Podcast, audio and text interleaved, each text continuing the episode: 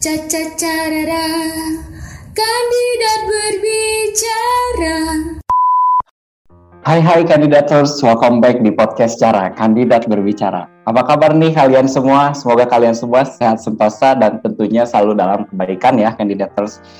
Di episode kali ini, tentunya gue Jamel ditemani sama Gustar yang sangat kece badai dan berprestasi. So, uh, langsung aja say hi Kak Misa. Hai semuanya, kenalin aku Michelle Purnama. Kalian boleh panggil aku Kak Michelle atau Michelle aja. Oke, by the way nih Kak Michelle, um, apa kabar? Puji Tuhan, baik, kabar aku baik. Kamu kabarnya gimana? Alhamdulillah sih, cuman ya masih apa ya, agak sedikit pusing sih soalnya kan karena baru lulus juga. Um, terus sekarang kesibukan Kak Michelle apa sih? Um, kesibukan aku karena aku sekarang adalah seorang mahasiswa Universitas Pajajaran, jurusan Ilmu Komunikasi angkatan tahun 2021. Tentunya aku disibukkan dengan kegiatan perkuliahan, layaknya mahasiswa-mahasiswa kebanyakan nih Jamel. Mengerjakan tugas, terus ada ujian-ujian, kuis, dan selain itu aku juga mungkin ada teman-teman yang udah kenal aku di luar aku disibukkan akhir-akhir ini dengan membuat konten-konten edukasi yang mana konten itu akan aku upload ke Instagram dan juga TikTok pribadi aku gitu. Hmm gitu ya. Terus um, berarti kan ini ya, apa maksudnya mahasiswa dan sekarang di semester berapa nih Kak Michelle? Aku sekarang uh, jurusan ilmu komunikasi angkatan tahun 2021 semester 2 nih. Oh semester 2. Iya masih um, baru Oh ya, jadi berarti kita gap umurnya nggak nggak terlalu jauh ya. Iya masih Sama, masih sebelas dua belas kita. Hmm oke. Okay. Sama apa berarti kalau ini masih kuliahnya masih masih online kah atau udah offline? Untuk saat ini kebijakan dari rektor kita masih online, tapi dengar-dengar kemarin tuh sudah ada pemberitahuan untuk hybrid. Nah, jadi hybrid ini uh, bagi teman-teman yang uh, tempat tinggalnya berada di sekitaran Jawa Barat atau di Jatinangornya karena aku Unpad ya Unpad itu di Jatinangor ya teman-teman bukan ya, Bandung. Ya. Nah jadi di Jatinangor dan sekitarnya itu udah boleh ke kampusnya langsung tapi dengan syarat harus udah vaksin. Nah teman-teman udah vaksin atau belum? Aku kebetulan aku udah udah vaksin. Jamel gimana? Udah vaksin belum? Udah dong, udah. Cuman baru baru dua kali sih aku vaksinnya aku juga dua kali belum booster nih. Nah jadi kayak gitu. Jadi yang udah vaksin terus ada namanya nanti isi formulir. Nah formulir dari orang tua orang tua setuju gak kalau kita tuh offline gitu? Nah kalau nanti setuju ya kita didata lalu ada kuotanya tuh. Jadi misalnya untuk angkatan aku tuh cuma 10 orang yang boleh offline gitu. Selebihnya tetap melalui online atau zoom meeting kayak gitu. Hmm, gitu Um, terus uh, apa ya? Um, kalau di ini kan berarti kan online nih. Kalau kegiatan kampusnya gitu gimana? Secara online gitu pasti ya? Iya Atau benar. belum ada? Kalau misalnya kan ada himpunan mahasiswa yang kayak gitu. Nah, kalau misalnya soal organisasi atau kegiatan-kegiatan UKM gitu, setauku ya sampai saat ini itu masih online kayak aku punya teman-teman itu mereka itu sering zoom setiap hari hampir setiap hari zoom. Karena aku lihat story Instagram mereka sosial media mereka lah aku lihat mereka itu sering rapat-rapat kayak gitu. Nah tapi ada juga beberapa hal kayak program-program yang mengharuskan mereka untuk ke lokasi. Artinya ya mereka datang ke kampusnya kayak gitu. Nah karena aku bukan anak organisasi nih ini aku disclaimer dulu nih. Di sampai saat ini aku belum ada tergabung di organisasi mana pun di Unpad Nah itu aku punya alasannya, bukan berarti aku kayak mahasiswa kupu-kupu nih kuliah pulang kuliah pulang bukan seperti itu. Tapi aku punya satu alasan kenapa aku nggak mau terlibat dulu dalam organisasi yang nanti mungkin akan aku jelasin kayak gitu Jamel. Oh gitu, oke. Okay. Uh, eh, nah kandidat terus mungkin sebagian di sini juga sebentar lagi atau mungkin ada yang sudah mulai mengikuti UTBK dan juga mungkin masih punya pertanyaan sedikit tentang UTBK um, udah ada Kamisel, aku mau nanya-nanya nih kira-kira sebelum kita mengikuti UTBK apa sih yang harus dipersiapkan? Oke, nah karena berhubung aku ini adalah orang yang terjun ke dalam bidang ini, artinya ya saat ini aku membuat konten-konten tentang gimana caranya teman-teman ini kayak Jamel nih kelas 12 dan teman-teman lainnya bisa masuk ke perguruan tinggi impian. Tentunya sekarang ini kan udah lewat SNM ya. Sekarang kita sedang berjuang untuk UTBK, SBMPTN. Tentu aku uh, melalui konten-konten aku juga gimana caranya sih bagikan tips and trick ataupun materi-materi rangkuman UTBK ataupun tentang hal pokoknya semua tentang PTN aku berikan dan aku upload ke media sosial aku. Nah, kalau pertanyaannya adalah apa sih yang harus dipersiapkan sebelum mengikuti UTBK? Nah, aku mau kasih satu uh, beberapa poin deh, beberapa poin kepada teman-teman. Yang pertama itu hmm. adalah kalian harus tahu dulu kenapa kalian mengikuti UTBK. Nah, jadi mungkin banyak dari teman-teman ikut UTBK tuh ya ikut ujian aja gitu. Kayak SNM, ya ikut SNM, cantumin nilai rapor, sertifikat, ikut UTBK ya karena nggak keterima SNM, ikut mandiri ya karena ketolak SNM dan SBM. Kayak gitu mungkin. Nah, di sini aku mau kasih tahu bahwa kalian harus punya tujuan dulu tuh. Kenapa sih kalian ikut itu ujian? Kenapa sih kalian ikut SNM? Kenapa sih kalian ikut UTBK gitu? Aku kasih ilustrasi bahwa nih, kalau misalnya Jamel kan sekarang kelas 12 ya. Udah punya SIM belum? Um, belum. belum ya. Nah, Jamel nanti pada saat buat SIM tentu Jamel punya tujuan. Kenapa sih mau buat SIM? Ya supaya Jamel bisa mengendarai kendaraan gitu kan, bebas ada surat izin mengemudinya.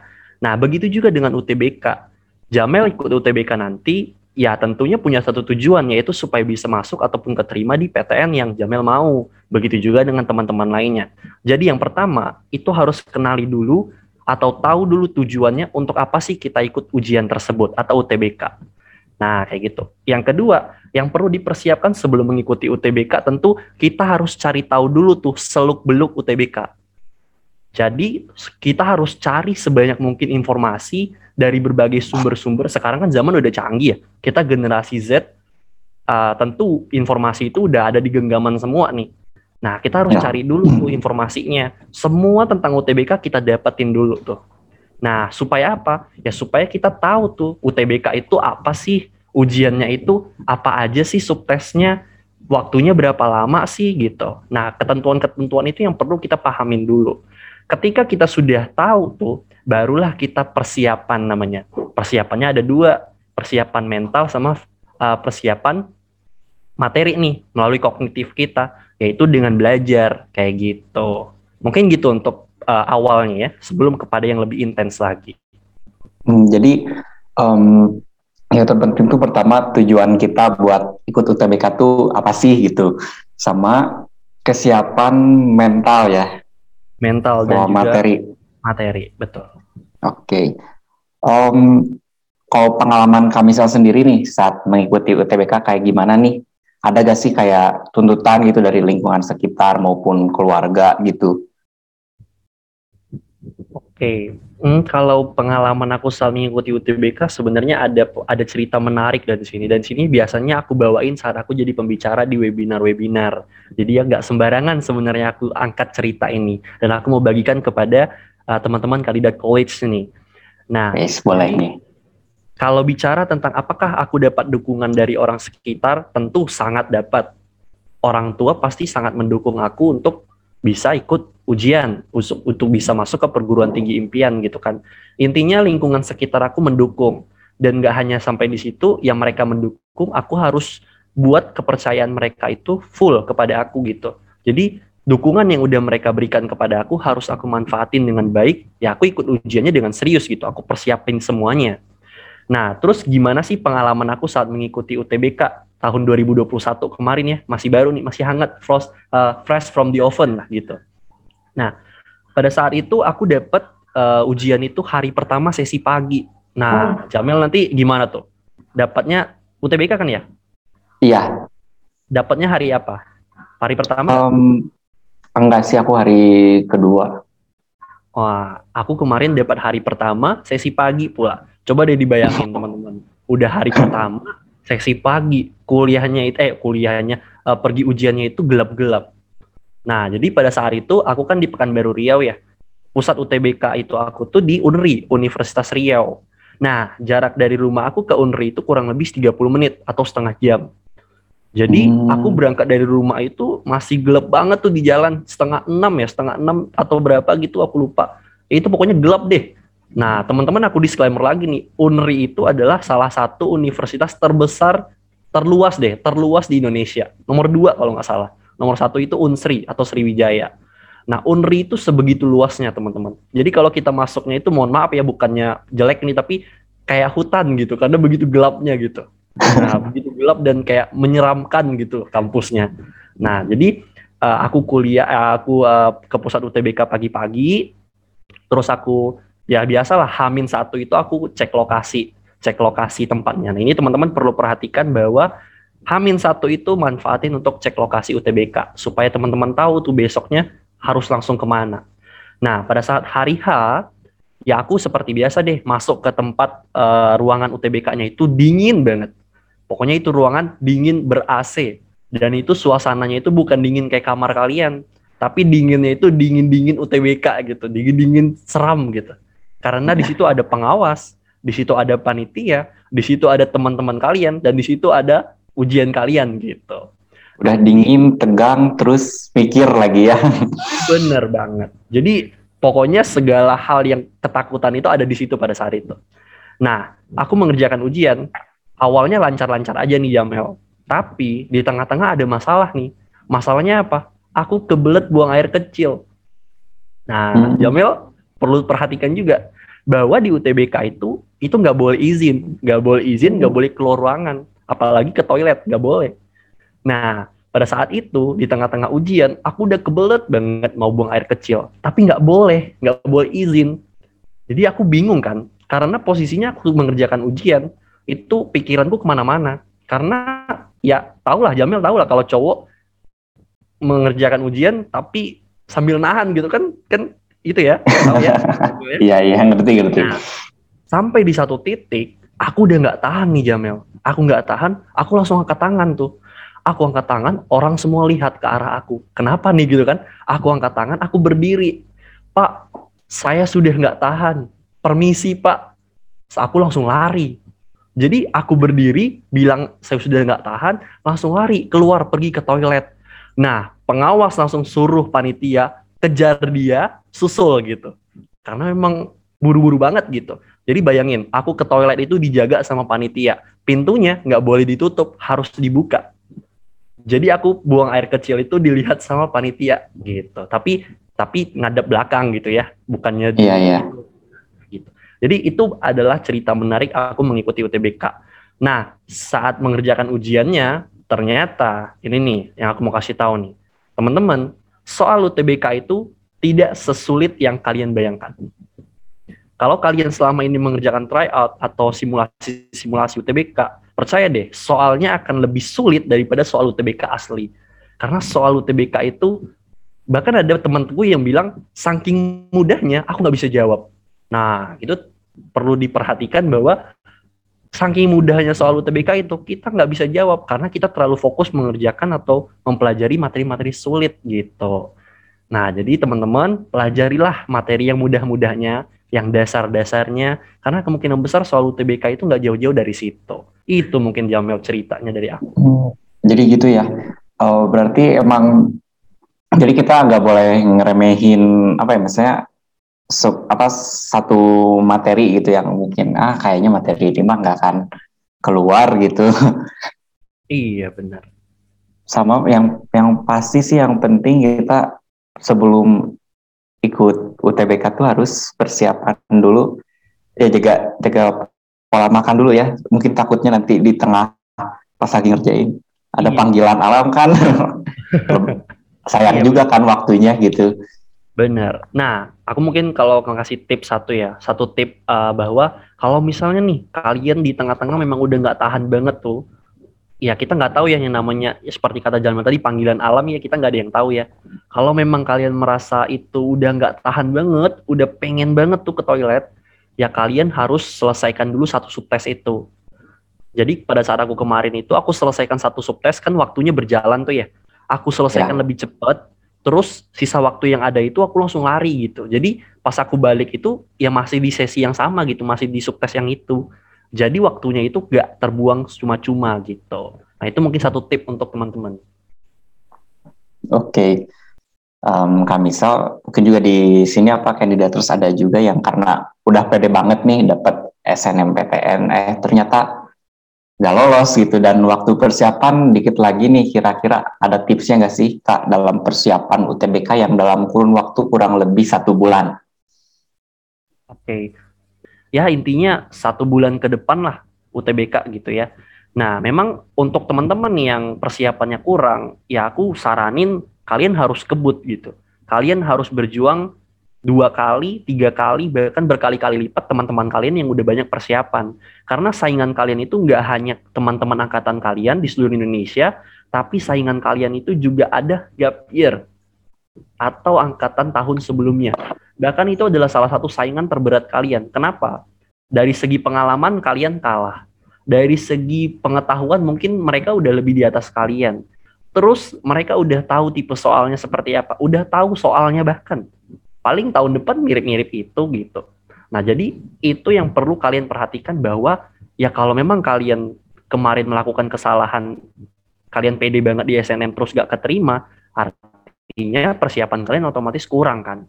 Kalian harus kebut dari sekarang. Di sisa waktu yang ada ini, dulu aku belajarnya otodidak nih. Aku nggak ikut bimbel sama sekali. Nah, jadi karena aku belajarnya otodidak, kalian harus belajar dengan rangkuman-rangkuman. Karena sekarang udah banyak banget kayak di YouTube, di Twitter, di TikTok, di Instagram, ada banyak banget akun-akun atau sumber-sumber terpercaya yang bisa kalian manfaatkan untuk belajar gitu. Nah, jadi kalian harus kebut dari situ, belajar aja dari situ. Kalau kalian dari buku tebel, aku kurang saranin. Kenapa? Karena ya kalian akan bacanya ya rangkuman itu uh, agak kurang gitu. Tapi kalau dari akun-akun yang memang langsung rangkumannya itu bakalan padat banget. Sama perbanyak latihan soal aja sih sekarang. Ikut kuis, latihan soal, terus try out ya. Kayak gitu. Mungkin itu.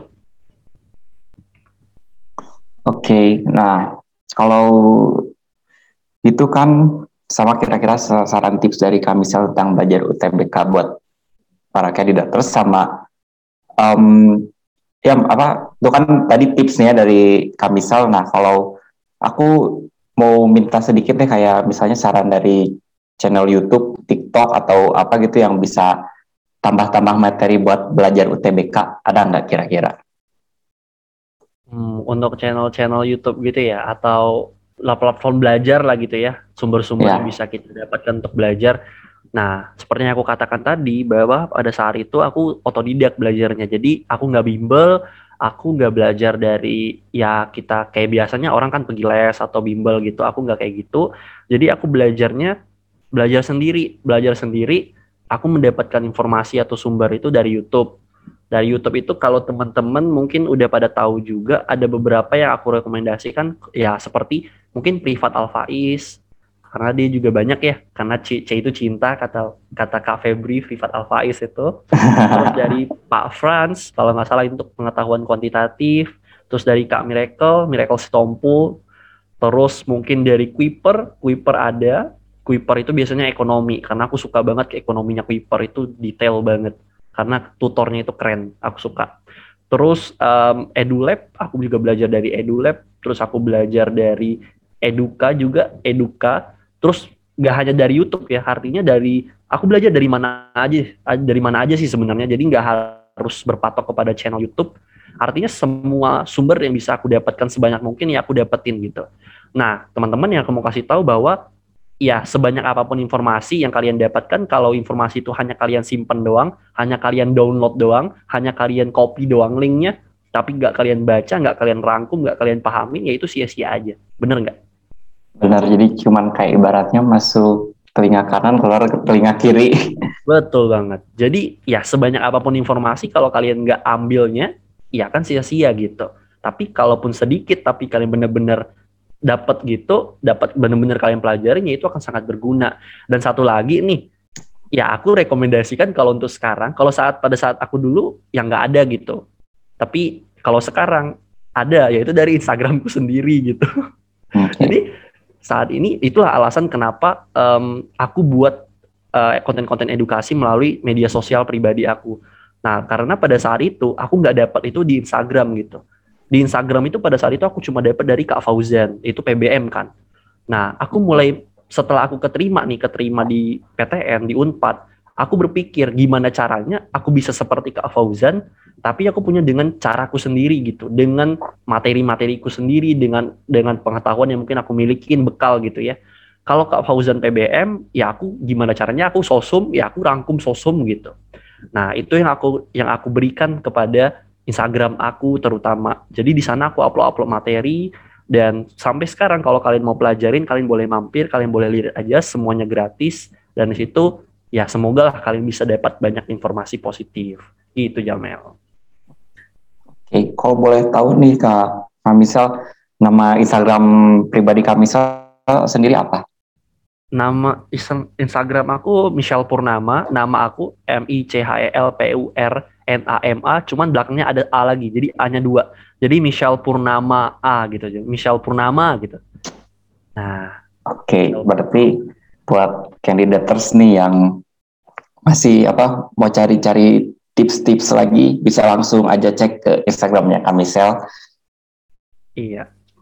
Oke, okay, um, itu dia apa pembahasan sedikit ya candidators tentang UTBK dan mungkin sebelum ditutup um, Kamisel ada sedikit kata-kata penyemangat buat candidators yang sedang berjuang UTBK. Oke, wah ini aku suka banget ya dengan kata-kata Mutiara karena serasanya aku kayak motivator gitu ya. Padahal dulu udah kayak Nazwa Sihab gitu Mbak Nana. Nah Mbak Nana kan terkenal banget tuh dengan kata-kata mutiaranya dan tatapan tajamnya gitu ya. Iya betul. Kalau natap layar itu terus nada-nada tekanan-tekanannya sungguh sungguh menekankan apa yang beliau sampaikan. Nah jadi ya. aku mengutip satu kalimat dari Mbak Nana nih satu. Jadi Mbak Nana itu pernah bilang bahwa jika mimpi kita saat ini terasa berat atau kita itu merasa mimpi yang kita miliki saat ini itu mustahil untuk digapai, maka mimpi itu layak untuk diperjuangkan. Jika mimpi kita saat ini terasa berat atau mustahil untuk digapai, maka mimpi itu layak untuk kita perjuangkan. Nah, bahwa dalam kalimat Mbak Nana ini um, mengir, meng, menitik beratkan bahwa ya mimpi itu jangan tanggung-tanggung, Jamel. Kalau kita pengen bermimpi jangan tanggung-tanggung. Toh mimpi itu gratis kan? Nah, ketika kita bermimpi, ya, betul. tanggung mimpilah setinggi tinggi mungkin. Mimpilah sampai mimpi itu terasa mustahil untuk untuk dipikirkan gitu. Ketika orang dengar mimpi kita itu sulit untuk dipikir secara logika gitu. Maka mimpi itu benar dan layak untuk kita perjuangkan. Kalau mimpi kita nggak kayak rasanya gampang itu bukan mimpi kalau menurutku. Itu harapan nah jadi mimpi itu dikatakan yeah. mimpi ketika mimpi itu besar atau sulit untuk digapai atau bahkan mustahil kayak gitu. Nah, pada tahun 2018 aku juga menciptakan sebuah buku elektronik. Dan buku elektronik itu sudah sampai nasional dan pada saat itu Menteri Pendidikan dan Kebudayaannya Pak Muhajir Effendi kalau nggak salah itu aku udah launching di Kemendikbud, kantor Kemendikbud pada saat itu di Jakarta. Dan itu judul bukunya adalah keajaiban yang terjadi melalui impian. Buku itu aku tulis bahwa menceritakan kalian itu harus percaya bahwa di setiap mimpi kalian itu ada keajaiban yang terjadi. Nah, jadi percaya deh, ketika kalian punya mimpi, pasti ada keajaiban yang terjadi di mimpi-mimpi kalian. Oleh sebab itu, jangan pernah berhenti bermimpi. Kalau sekarang kalian sedang mau bermimpi untuk masuk ke perguruan tinggi impian, ya kalian harus punya mimpi dan yakin bahwa ketika kalian bermimpi, kalian pasti akan masuk gitu. Karena mimpi itu adalah doa. Ucapan itu adalah doa, pikiran itu adalah doa juga. Nah, jadi di sisa waktu yang ada untuk UTBK ini, yakinkan pada diri kalian bahwa aku pasti bisa. Dengan segala mimpi yang aku punya untuk bisa masuk ke PTN yang aku impikan, aku pasti bisa. Di sisa waktu yang ada ini aku pasti bisa. Penolakan yang aku alami di SNM ataupun ya memang aku gap year gitu, ya aku jadikan itu sebagai batu loncatan, sebagai motivasi supaya aku bisa memberikan yang terbaik di saat sekarang ini yaitu UTBK SBMPTN 2022 setelah bermimpi jangan hanya ya bermimpi doang gitu, tapi wujudkanlah mimpi itu dengan tindakan yang nyata, bukan sekedar hayalan semata agar kita mendapatkan hasil yang nyata. Gitu. Okay, Jadi keren. jangan hanya bermimpi, tapi buktikan dengan tindakan supaya itu nggak hanya jadi hayalan, tapi menjadi hasil yang nyata. Gitu jangan.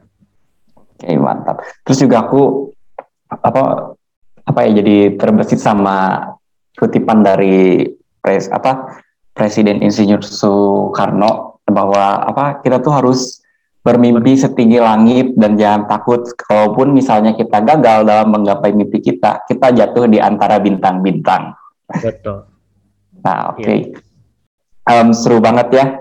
Oke, pembahasan kita kali ini semoga apa yang kita sampaikan bermanfaat ya bagi para kandidat semua, khususnya para kandidat yang sudah mulai berjuang untuk meraih kampus impiannya tips and trick dan semua hal yang dibicarakan tadi udah komplit banget sih menurut aku. Semoga setelah ini para candidators bisa menjalankan UTBK dengan baik, tenang, dan yang pastinya terbaik buat kalian semua. Thank you for listening and see you in the next episode seru selanjutnya. Selamat berjuang meraih kampus impian candidators.